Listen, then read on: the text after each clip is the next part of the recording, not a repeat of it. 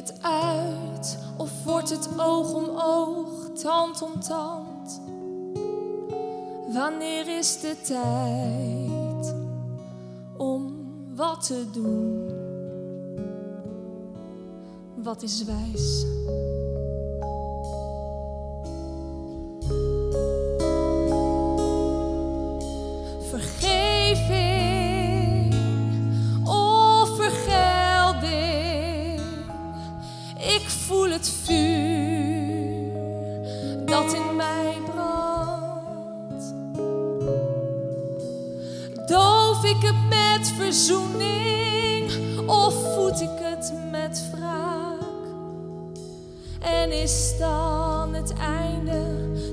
Alles in vlammen opgaat?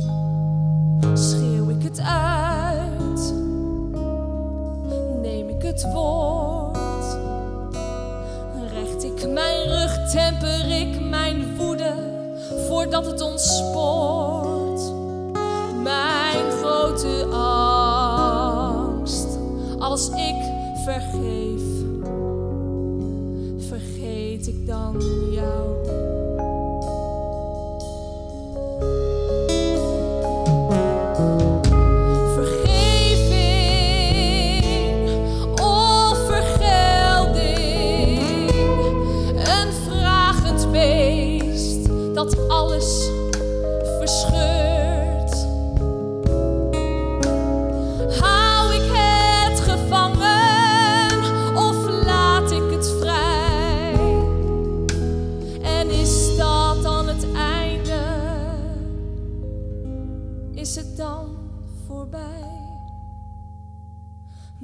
een vuist? Geef ik een hand?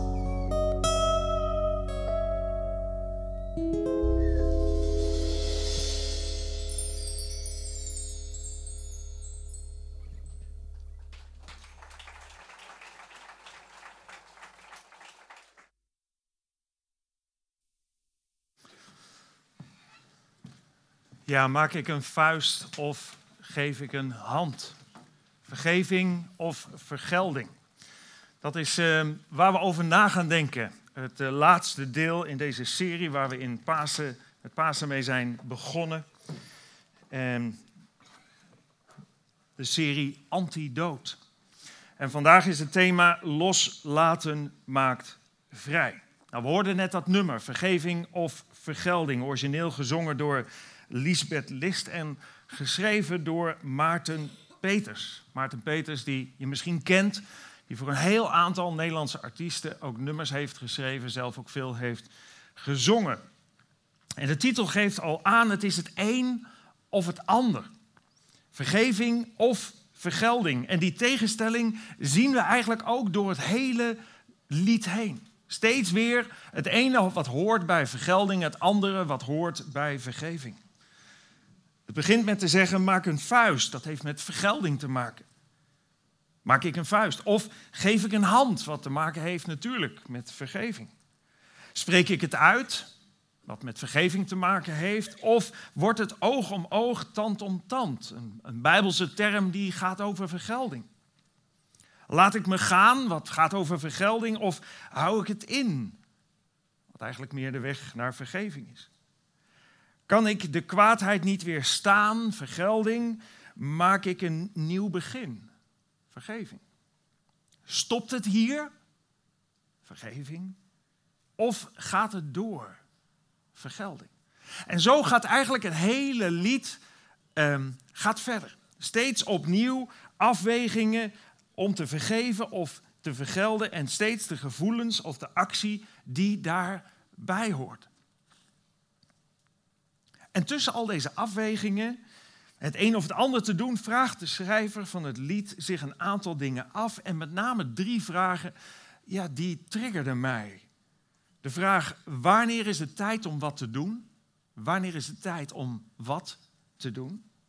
Wat is wijs en tegen welke prijs? Het is duidelijk dat Maarten Peters goed over het thema heeft nagedacht, maar oplossingen geeft hij eigenlijk niet. Hij laat het aan ons over als luisteraar om een keuze te maken. En die dingen die ons misschien zijn overkomen, om te vergeven of te vergelden. En die keuze moeten we allemaal maken. Iedereen die hier zit, heeft met die keuze te maken. Eigenlijk je leven lang al. Van jongs af aan moet je kiezen hoe ga je om met onrecht. Iedere situatie opnieuw is weer die keuzemogelijkheid daar. Misschien was je vroeger als klein jongetje aan het spelen met andere kinderen en pakte iemand steeds wat van je af. En steeds zag degene, of het nou juf was of je ouders of wat dan ook, het net niet op tijd dat jij het had, maar dat het oneerlijk werd afgepakt. En ja, wat doe je dan? Wacht je op het juiste moment dat niemand kijkt om met een brandweerauto in te slaan op het hoofd van je broertje of wie dan ook? Of kies je ervoor om het los te laten? Of misschien was je een kleine meisje of een jonge meid en werd je steeds geconfronteerd met anderen die, die negatieve dingen over jou zeiden of leugens over jou vertelden. Wat door iedereen werd geloofd, waardoor je aan de zijlijn kwam te staan. En wat doe je daarmee? Hoe ga je daarmee om? Wacht je op de gelegenheid om iets veel ergers en iets veel heftigers terug te doen? Kies je voor vergelding of kies je voor vergeving? En dat lijken maar kleine onschuldige dingen uit de kindertijd. Maar hoe je met deze dingen omgaat, kan bepalend zijn voor een gelukkig of een ongelukkig leven. We weten dat bijvoorbeeld pestgedrag een enorme negatieve impact kan hebben. Niet alleen in de kindertijd, maar ook in de tijd die daarop volgt. En dan hebben we het over pesten, maar wat te denken van bijvoorbeeld bedrog, wat je in je huwelijk meemaakt. Of onrechtvaardige behandeling door de overheid. Of ernstige zaken als verkrachting of incest. Valse beschuldigingen waar je mee te dealen krijgt lichamelijke en of geestelijke gevolgen van andermans fouten. Iemand die bijvoorbeeld met een dronken kop tegen je aanrijdt, waardoor je invalide bent geworden.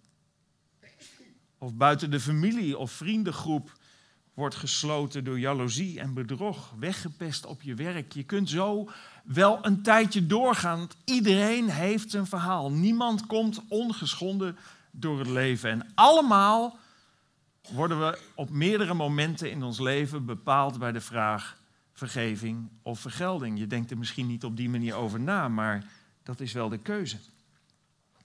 Dergelijke gebeurtenissen kunnen een einde maken aan een gelukkig leven en het begin zijn van een hele hoop ellende.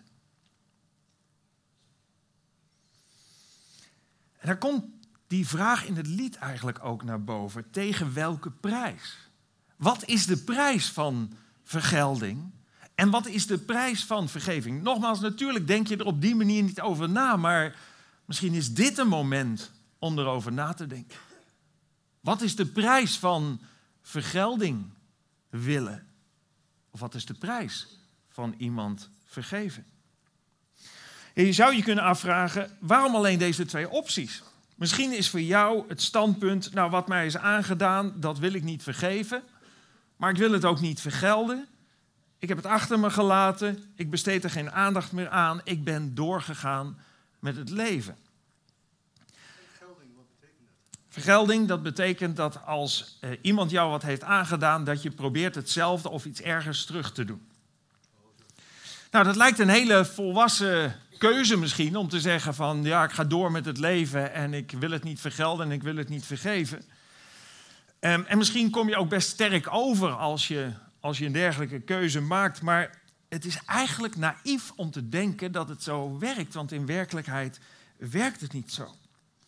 Alhoewel je je bewustzijn wel aardig voor de gek en onder de duim kunt houden, je onderbewustzijn, daarin gaan de effecten gewoon door.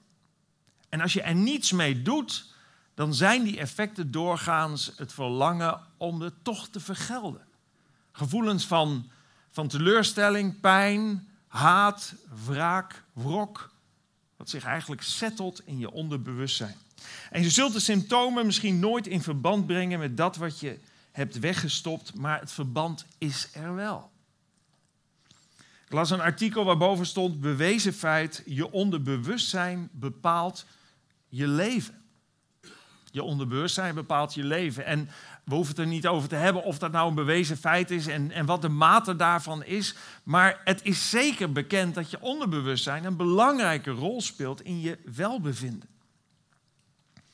En zonder dat je het je realiseert, heb jij dan eigenlijk, als je zegt, nou ik wil het niet vergeven, niet vergelden, heb je eigenlijk gekozen voor de effecten die vergelding met zich meebrengen.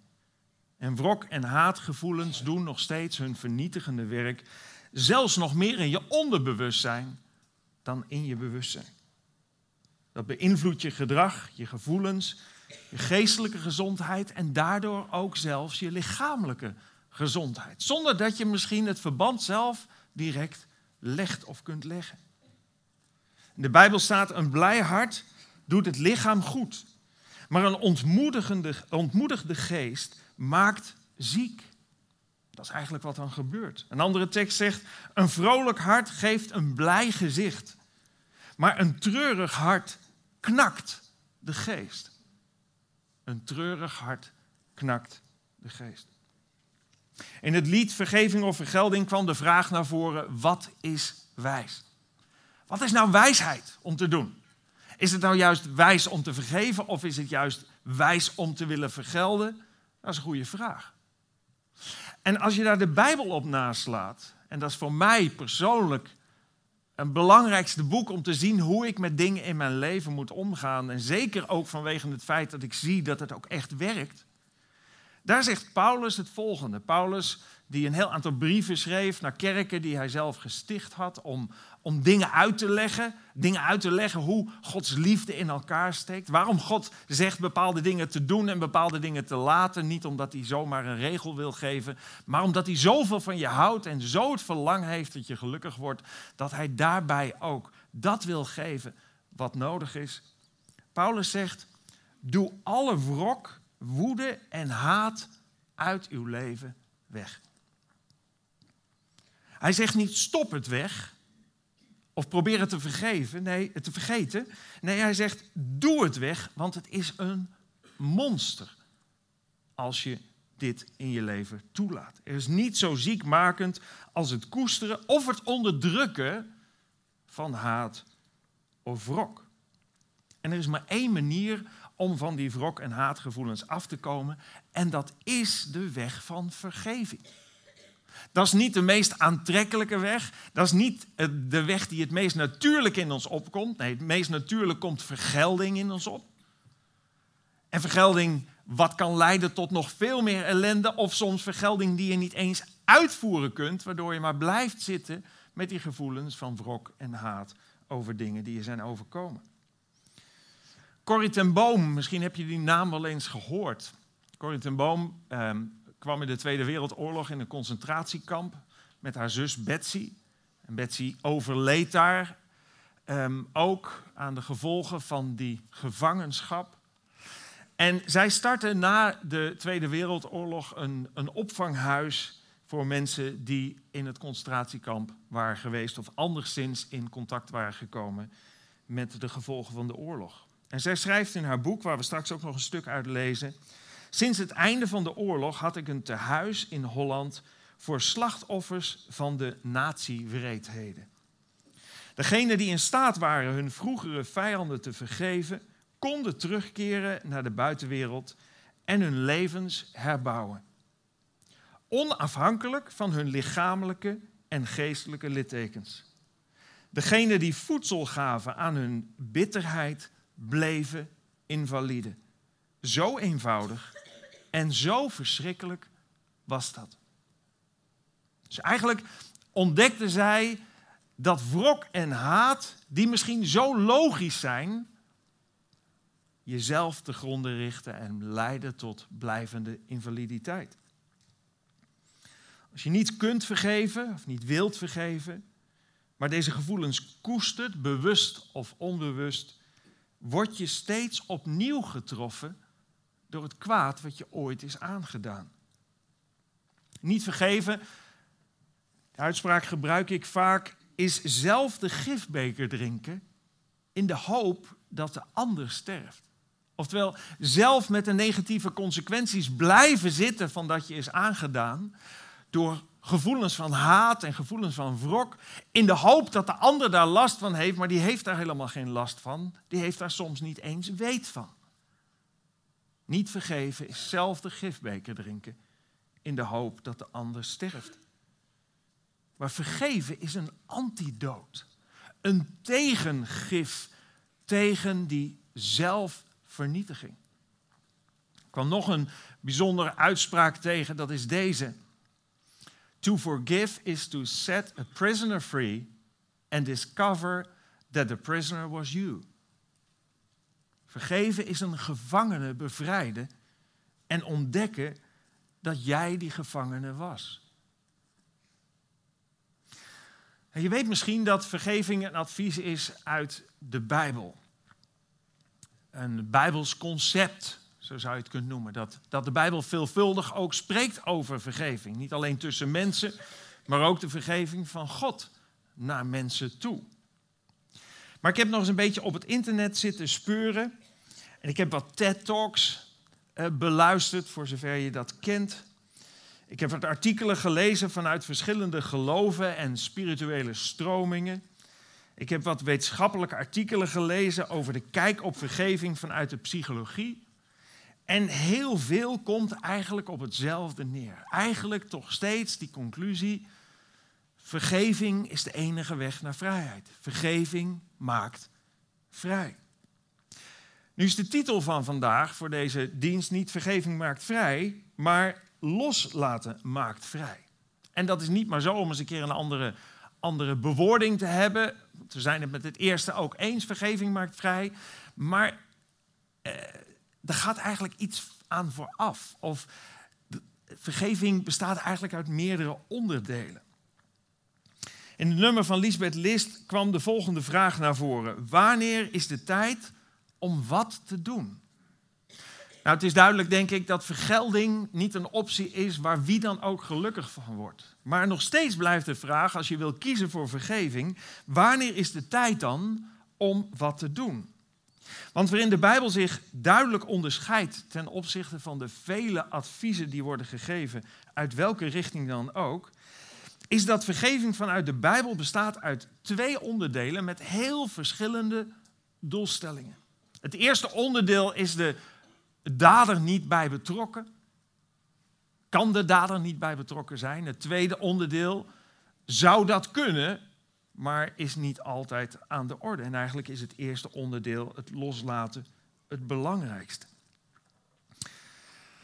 Ja, het eerste deel heeft te maken met het loskomen van die negatieve gevoelens die die gebeurtenis, wat het ook is geweest, die weet het zelf, in je leven teweeg heeft gebracht. En misschien nog steeds heeft. Want als je er niks mee doet, dan houdt het invloed. Je kunt je misschien nog steeds boos maken over. Vul je eigen verhaal maar in.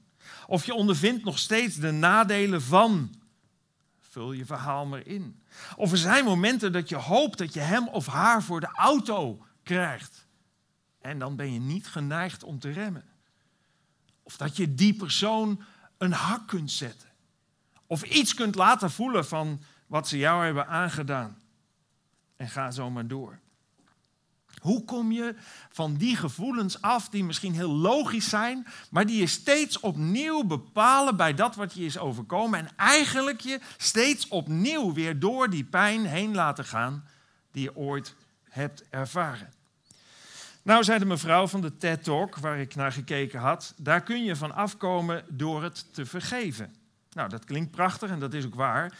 Maar hoe doe je dat dan? En, en hoe kun je dat in vredesnaam opbrengen?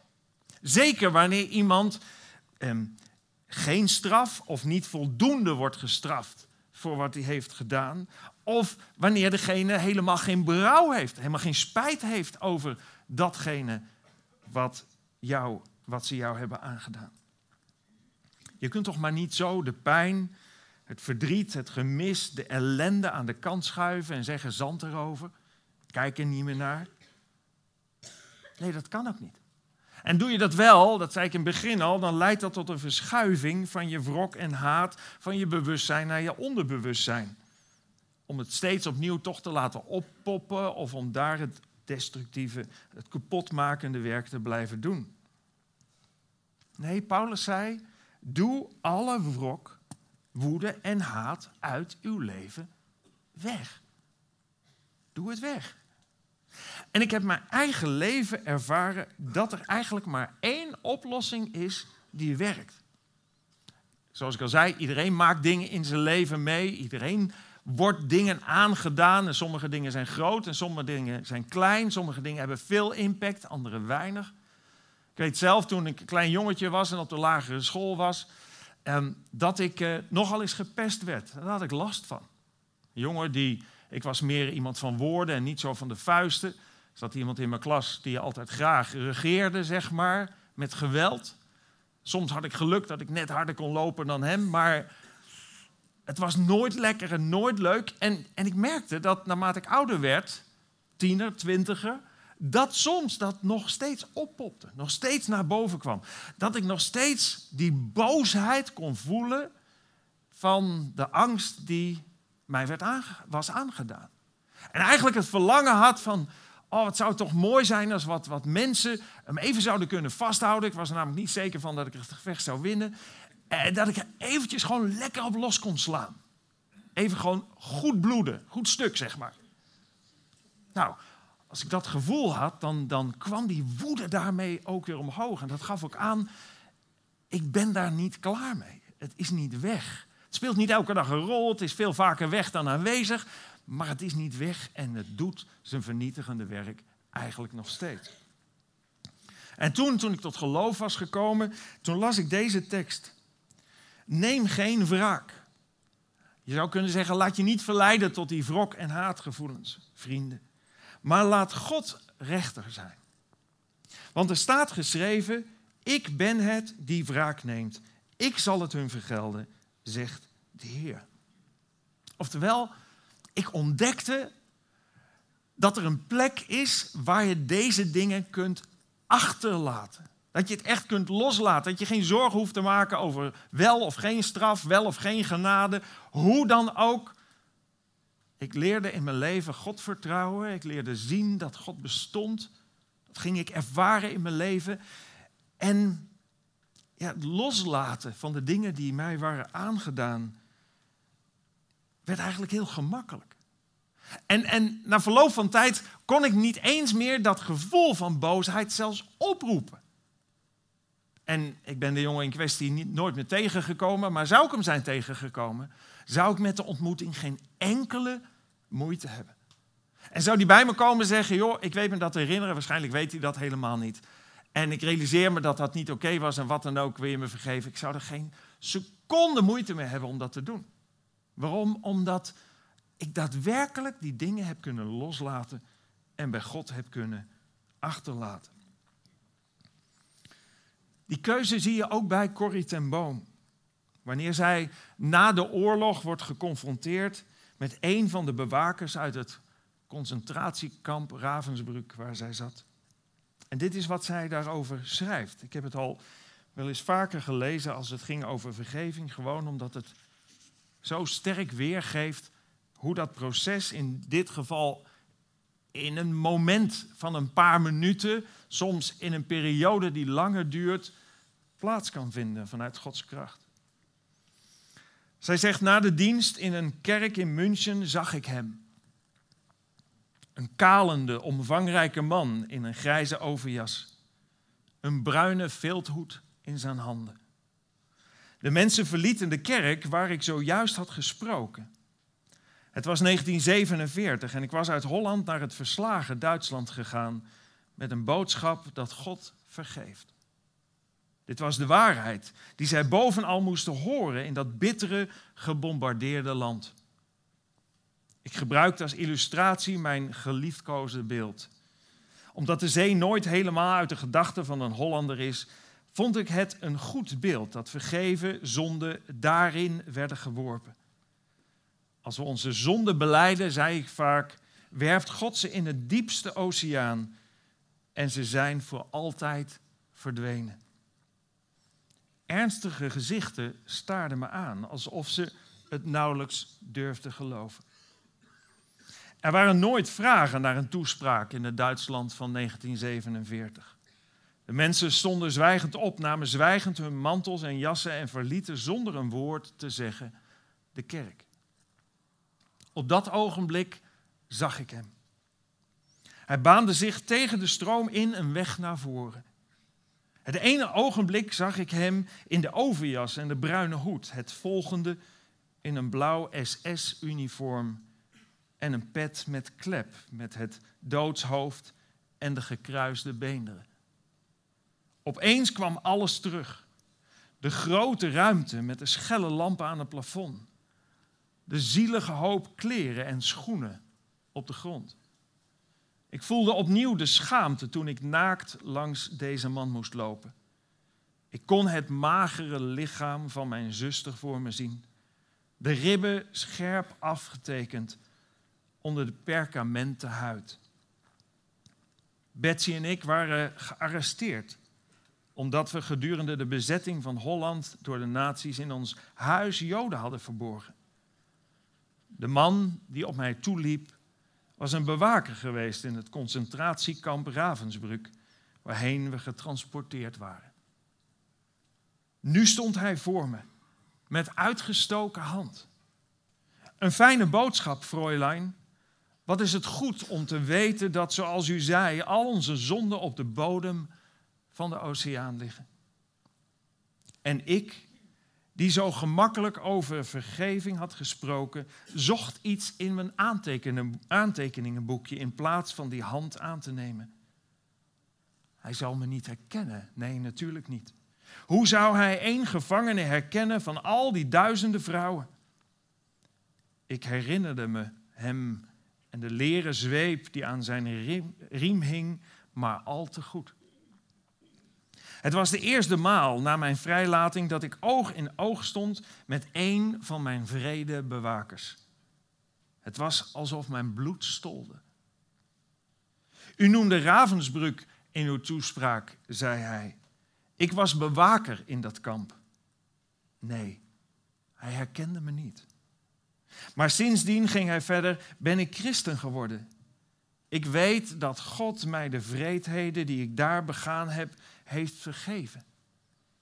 Ik zou dat graag ook uit uw mond horen, Fräulein. Weer stak hij zijn hand uit. Wilt u mij vergeven? En daar stond ik. Ik weer zonder vergeven moest worden. Ik kon hem niet vergeven. Betsy was daardoor uitputting gestorven. Kon, ik haar, kon hij haar langzame, verschrikkelijke sterven zomaar uitvlakken door om vergeving te vragen? Het zullen niet meer dan een paar seconden zijn geweest dat hij daar stond met uitgestoken hand. Maar het leek me uren. Ik worstelde met het allermoeilijkste wat ik ooit had moeten doen. Maar ik moest het doen. Ik wist het. De boodschap dat God vergeeft heeft als voorwaarde dat wij degene vergeven die ons benadeeld hebben. En nog stond ik daar, terwijl kilte mijn hart samenkneep. Maar vergeving is niet een gevoel, dat wist ik ook. Vergeving is een wilsdaad. En de wil kan functioneren ondanks de temperatuur van mijn hart. Jezus, help mij, bad ik in stilte. Mijn hand kan ik wel omhoog krijgen, dat lukt me wel. Geeft u me het gevoel? En zo legde ik mijn hand houterig mechanisch in de uitgestrekte hand voor me. En terwijl ik dat deed, gebeurde er iets ongelooflijks. De stroom begon in mijn schouder, verplaatste zich door mijn arm en sprong over op onze ineengelegde handen. En toen was het alsof die genezende warmte mijn hele wezen doortrok en tranen in mijn ogen bracht. Ik vergeef u, broeder, riep ik uit, van ganse harte. Een hele tijd stonden we daar zo, de gewezen bewaker en de gewezen gevangene. Ik had Gods liefde nooit zo intens ervaren als op dat ogenblik. Dat is wat vergeving teweeg brengt. Dat is hoe God kracht wil verlenen om dingen los te kunnen laten. En in dit geval zelfs tot herstel in een relatie kunt overgaan. Vergeving is niet het goedkeuren van het gedrag van de ander. Het is ook niet het verontschuldigen van het gedrag van de ander. Of zeggen dat de misdaad niet belangrijk is, of zeggen dat jij niet belangrijk bent. Bij vergeven betekent het helemaal niet automatisch dat je contact moet houden of dat contact hersteld wordt tussen de dader en jou. Vergeven betekent ook niet geloven dat het geen pijn deed terwijl je de pijn nog voelt. Of geloven dat God het goed vond wat er gebeurde. Of geloven dat het niet goed is dat jij boos bent over die misstap. Of zeggen dat het gedrag van de andere ongestraft moet blijven. Dat is vergeving niet.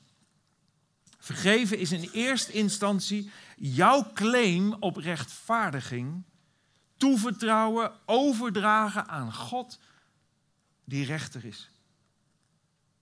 Dan kun je echt loslaten. Waarom? Omdat God daar zijn kracht aan verbindt.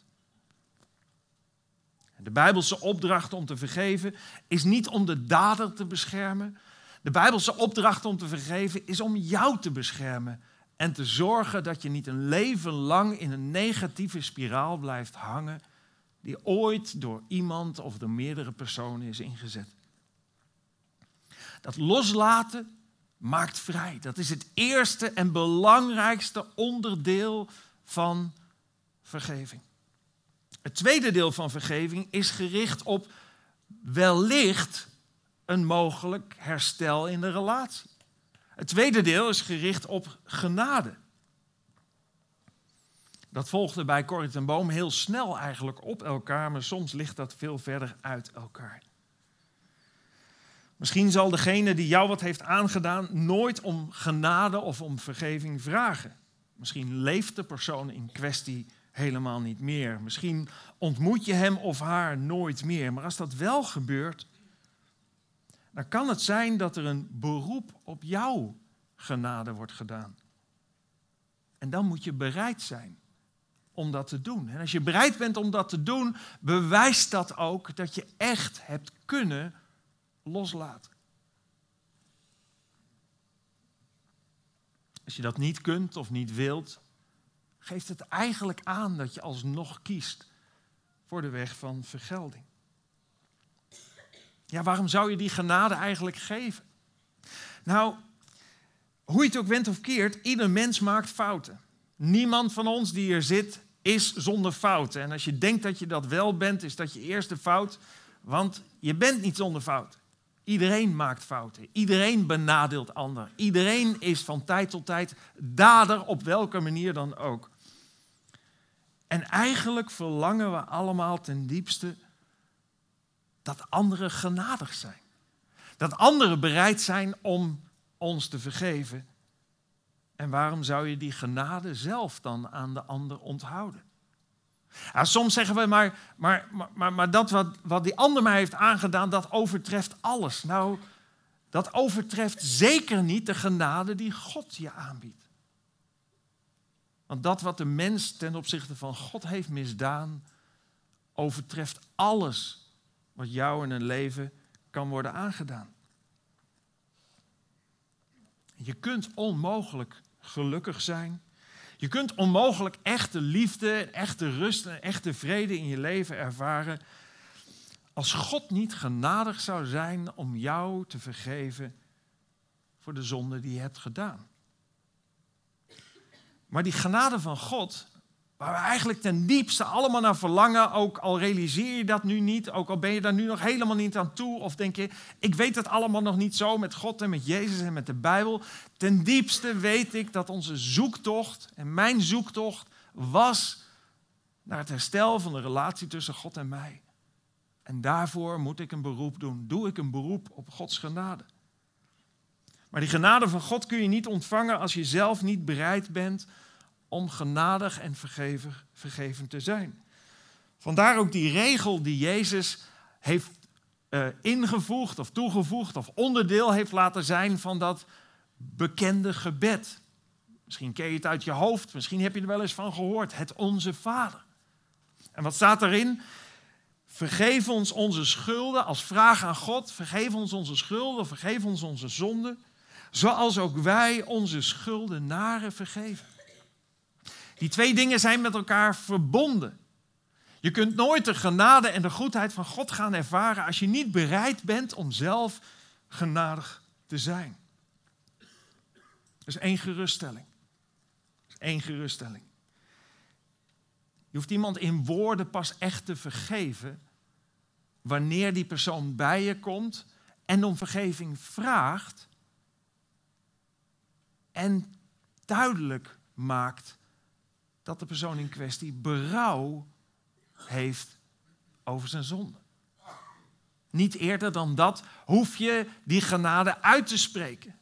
Maar al daarvoor, eigenlijk onderdeel van het proces van losmaken, loslaten, moet de bereidheid in je leven er zijn om wanneer de persoon in kwestie bij je komt, berouw heeft, spijt heeft over zijn fouten, om daadwerkelijk die fouten ook te vergeven. Maar berouw is altijd daarvoor een voorwaarde. Toen Petrus, een discipel van Jezus, op een gegeven moment uitlegde aan zijn Joodse volksgenoten dat zij ten opzichte van God grote fouten hadden gemaakt. Ze, hadden, ze waren net onderdeel geweest van, van, het, van het kruisigen van Jezus. Toen gaf Petrus het volgende advies. Hij zei: Heb er dus berouw over. Heb er berouw over. Realiseer je wat je fout hebt gedaan. Heb er berouw over en bekeer je tot God. Dan zal Hij uw zonde wegdoen, zodat er een tijd van verfrissing aanbreekt als u met de Here leeft.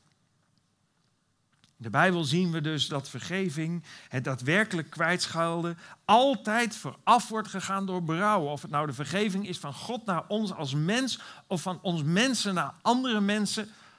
Altijd moet daar onderdeel van uitmaken berouw. En het vragen om vergeving.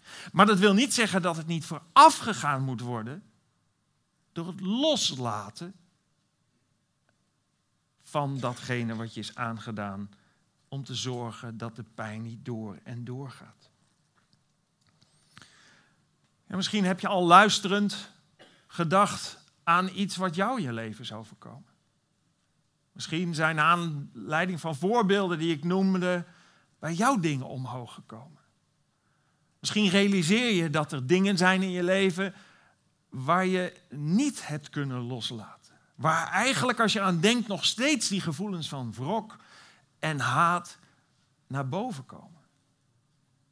Dan hoop ik dat je die weg wilt gaan bewandelen die nodig is om daar echt van af te komen. Zodat niet de dader keer op keer, jaar na jaar, invloed blijft uitoefenen op je leven op een negatieve manier. Maar zodat je eens en voor altijd kunt afrekenen met dat wat je is aangedaan. En die weg begint bij je open te stellen voor het feit dat God dat in je leven wil doen. En ik zou je eigenlijk willen uitdagen, niet nu, maar misschien vanavond of een ander moment waarop je er nog over nadenkt, om daarvoor te bidden. En misschien ben je helemaal niet gewend om te bidden en weet je helemaal niet hoe dat werkt. Voelt het raar aan om te praten, al is het in jezelf en, en niet direct respons te krijgen, maar ik zal je zeggen, die respons komt. Wil je uitdagen om aan God te vragen, Heere God, als u echt bestaat, als u mij echt kunt en wilt bevrijden van die ballast die ik op mijn schouders draag, wilt u me dan helpen? om dat te doen. En dan zeg ik je, dat gaat God doen. Die gaat je laten zien dat Hij zijn Zoon, de Heer Jezus Christus, naar deze wereld heeft gestuurd. Om de zonde die je hebt gedaan los te kunnen laten en jou opnieuw met Hem te verbinden. Zodat Zijn liefde in je leven kan komen, zodat Zijn kracht in je leven kan komen om ook anderen te vergeven, los te laten, pijn kwijt te raken. Ik wil je uitdagen om die weg te bewandelen, die ik in mijn leven heb ervaren als niet alleen dat wat werkt, maar waarvan ik overtuigd ben geraakt dat het het enige is wat werkt. Om daadwerkelijk vrijheid te ervaren en los te komen van de gebondenheid van dit soort zaken in je leven. En ik wil daar graag voor bidden, voor jou, voor bidden, dat je die weg zult bewandelen. Dank u wel, Heere God, voor, voor dit moment. Dank wel dat we mochten nadenken over dit moeilijke thema. Eerst soms zijn de dingen die ons zijn aangedaan zo ingrijpend, zo dramatisch, dat alleen de gedachte aan vergeving ons al opstandig en boos maakt. Dat is allemaal goed voor te stellen. En toch vraagt u van ons om het te doen. Waarom? Omdat het anders onszelf kapot maakt. Heer, ik wil u bidden voor, voor een ieder die hier zit. U kent onze levens. U kent onze pijn, ons verdriet. Ik wil u bidden, Heer, dat we bewust zullen zijn dat wat ons ook overkomen is, we niet alleen slachtoffer zijn, maar ook schuldenaar. In de eerste instantie ten opzichte van u, maar ook ten opzichte van andere mensen. Heer, help ons om te zien dat u de verantwoording wilt nemen voor fouten die zijn gemaakt. Help, Heer, om te zien dat u zoveel van ons houdt. Dat u uw zoon gegeven heeft. Dat hij gestorven is voor onze zonden, voor onze fouten, voor onze tekortkomingen. En dat daardoor de relatie met u kan herstellen. En dat we daardoorheen, van, daardoorheen de kracht van u mogen en kunnen ontvangen. Om zelf genadig te zijn naar mensen die ons wat hebben aangedaan. Heer, het is zo'n bevrijding als je dat ervaart in je leven. Ik heb er zoveel verhalen van gehoord. Ik heb het ervaren in mijn eigen leven. Ik gun het iedereen. Heer, help ons om die weg te vinden. Hoor ons gebed. Beantwoord ons gebed. Hoe gebrekkig ook. Heer, het gaat niet om de woorden. Het gaat om het, gaat om het verlangen van ons hart. Help ons, Heer, om de weg daarin naar U te vinden. Amen.